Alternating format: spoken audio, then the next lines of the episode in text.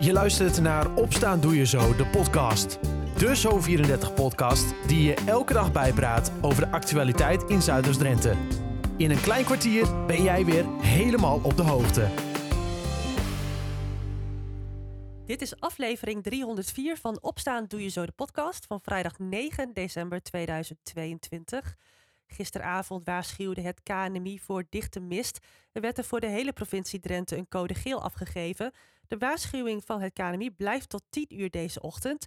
De rest van de dag blijft grijs en droog. Het wordt niet warmer dan 3 graden.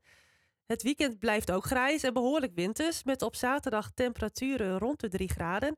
En zondag is er kans op een klein beetje sneeuw en blijft de temperatuur tussen de 0 en de 2 graden.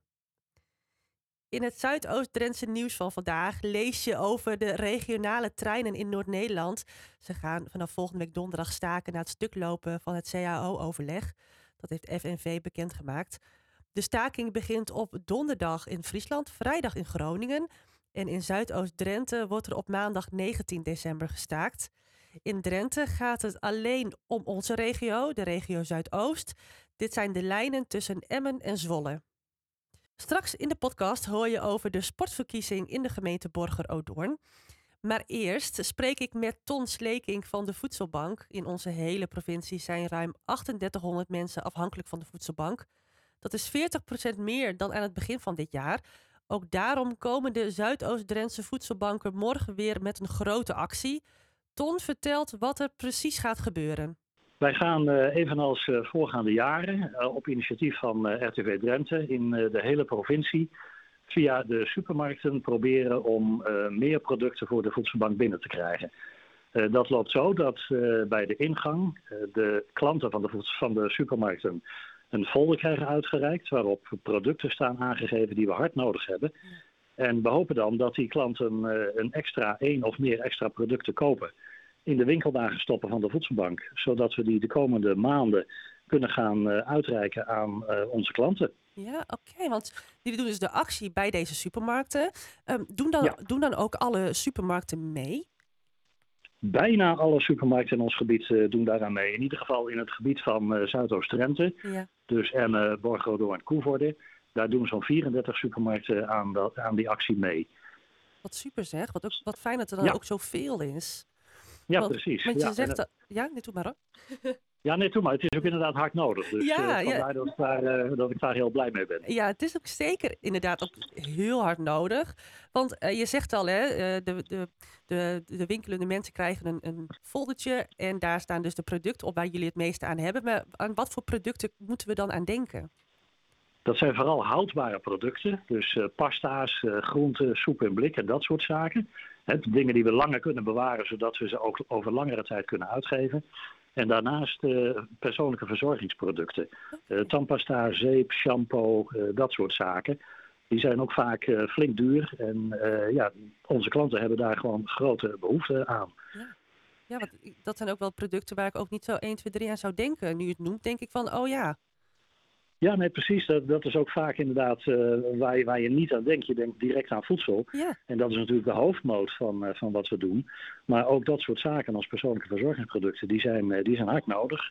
Onze vrijwilligers geven in ieder geval op dat foldertje aan wat je allemaal zou kunnen inslaan. Het zijn geen dure zaken, dus als je één of twee van dat soort producten erbij doet, dan ben je niet echt uh, hartstikke duur uit. Ja. Maar dan, uh, dan help je de klanten en dan help je ons. Ja. En die vrijwilligers, dat zijn, uh, dat zijn mensen die bij de voedselbank al vrijwilliger zijn. Maar dat zijn bijvoorbeeld ook scholieren van verschillende scholen in, in ons werkgebied. En mensen van de Lions en, en de Rotaries die ons daarbij helpen. Wat super zegt dat er zoveel betrokken ja. mensen zijn die jullie willen steunen bij, bij zo'n grote actie. Ja, ja, dat is inderdaad heel mooi. We hebben uh, in, in Emmen bijvoorbeeld het Esdal College en het Honsrug College bereid gevonden om daaraan mee te werken. En die hebben ook in hun lessen daar aandacht aan, uh, aan besteed. En uh, zamelen ook weer producten in die we de afgelopen tijd hebben opgehaald. En dat is echt, dat zijn kratten vol. Dat is echt hartverwarmend. Oh, wat goed zeg, dat is inderdaad hartverwarmend. Want de toename ja. aan klanten van de voedselbank het is natuurlijk best wel groter geworden, ook het afgelopen ja. jaar. Merk je dan ja. ook door alle aandacht nu hè, met, met de studenten, met de, hè, het Honsdag en het Esto College, dat er ook meer aandacht is en dat de drempel ook lager wordt om je aan te melden bij de voedselbank? Ik denk dat, dat je dat inderdaad wel kunt zeggen. Je ziet het in ieder geval in het aantal aanmeldingen. Bij ons is het in Zuidoost-Drenthe het geval dat we dit jaar begonnen met 435 huishoudens. En we zitten nu op 650. En dat, dat gaat gewoon week na week gaat dat gewoon door in het aantal aanvragen en het aantal toelatingen. Dus wat dat betreft denk ik dat, dat meer mensen makkelijker die stap zetten als het nodig is. Het is natuurlijk triest dat het, dat het gebeurt, maar ik ben in ieder geval blij dat ze die stap zetten, zodat we in staat zijn om ze te helpen. En met behulp van dit soort acties meer producten binnenkrijgen. Ja kunnen we ze ook inderdaad helpen. En daarnaast ben ik ook heel erg blij dat onze oproep om, uh, als je zelf de energietoeslag niet nodig hebt, om die aan ons te schenken, dat ook die heel veel resultaat heeft. We hebben dit jaar al, uh, al duizenden euro's op die manier binnengekregen. Wow. En uh, ja, ook dat is gewoon fantastisch. Wat super zeg. Er zijn echt heel veel mensen die een warm hart hebben voor de voedselbank. Ja, Gelukkig wel, gelukkig ja, wel. Want als, als luisteraars nu uh, denken van... goh, ik wil echt ook heel graag iets doen morgen... of misschien ook wel op een andere dag. Hoe, hoe kunnen, hoe kunnen mensen dit het beste doen?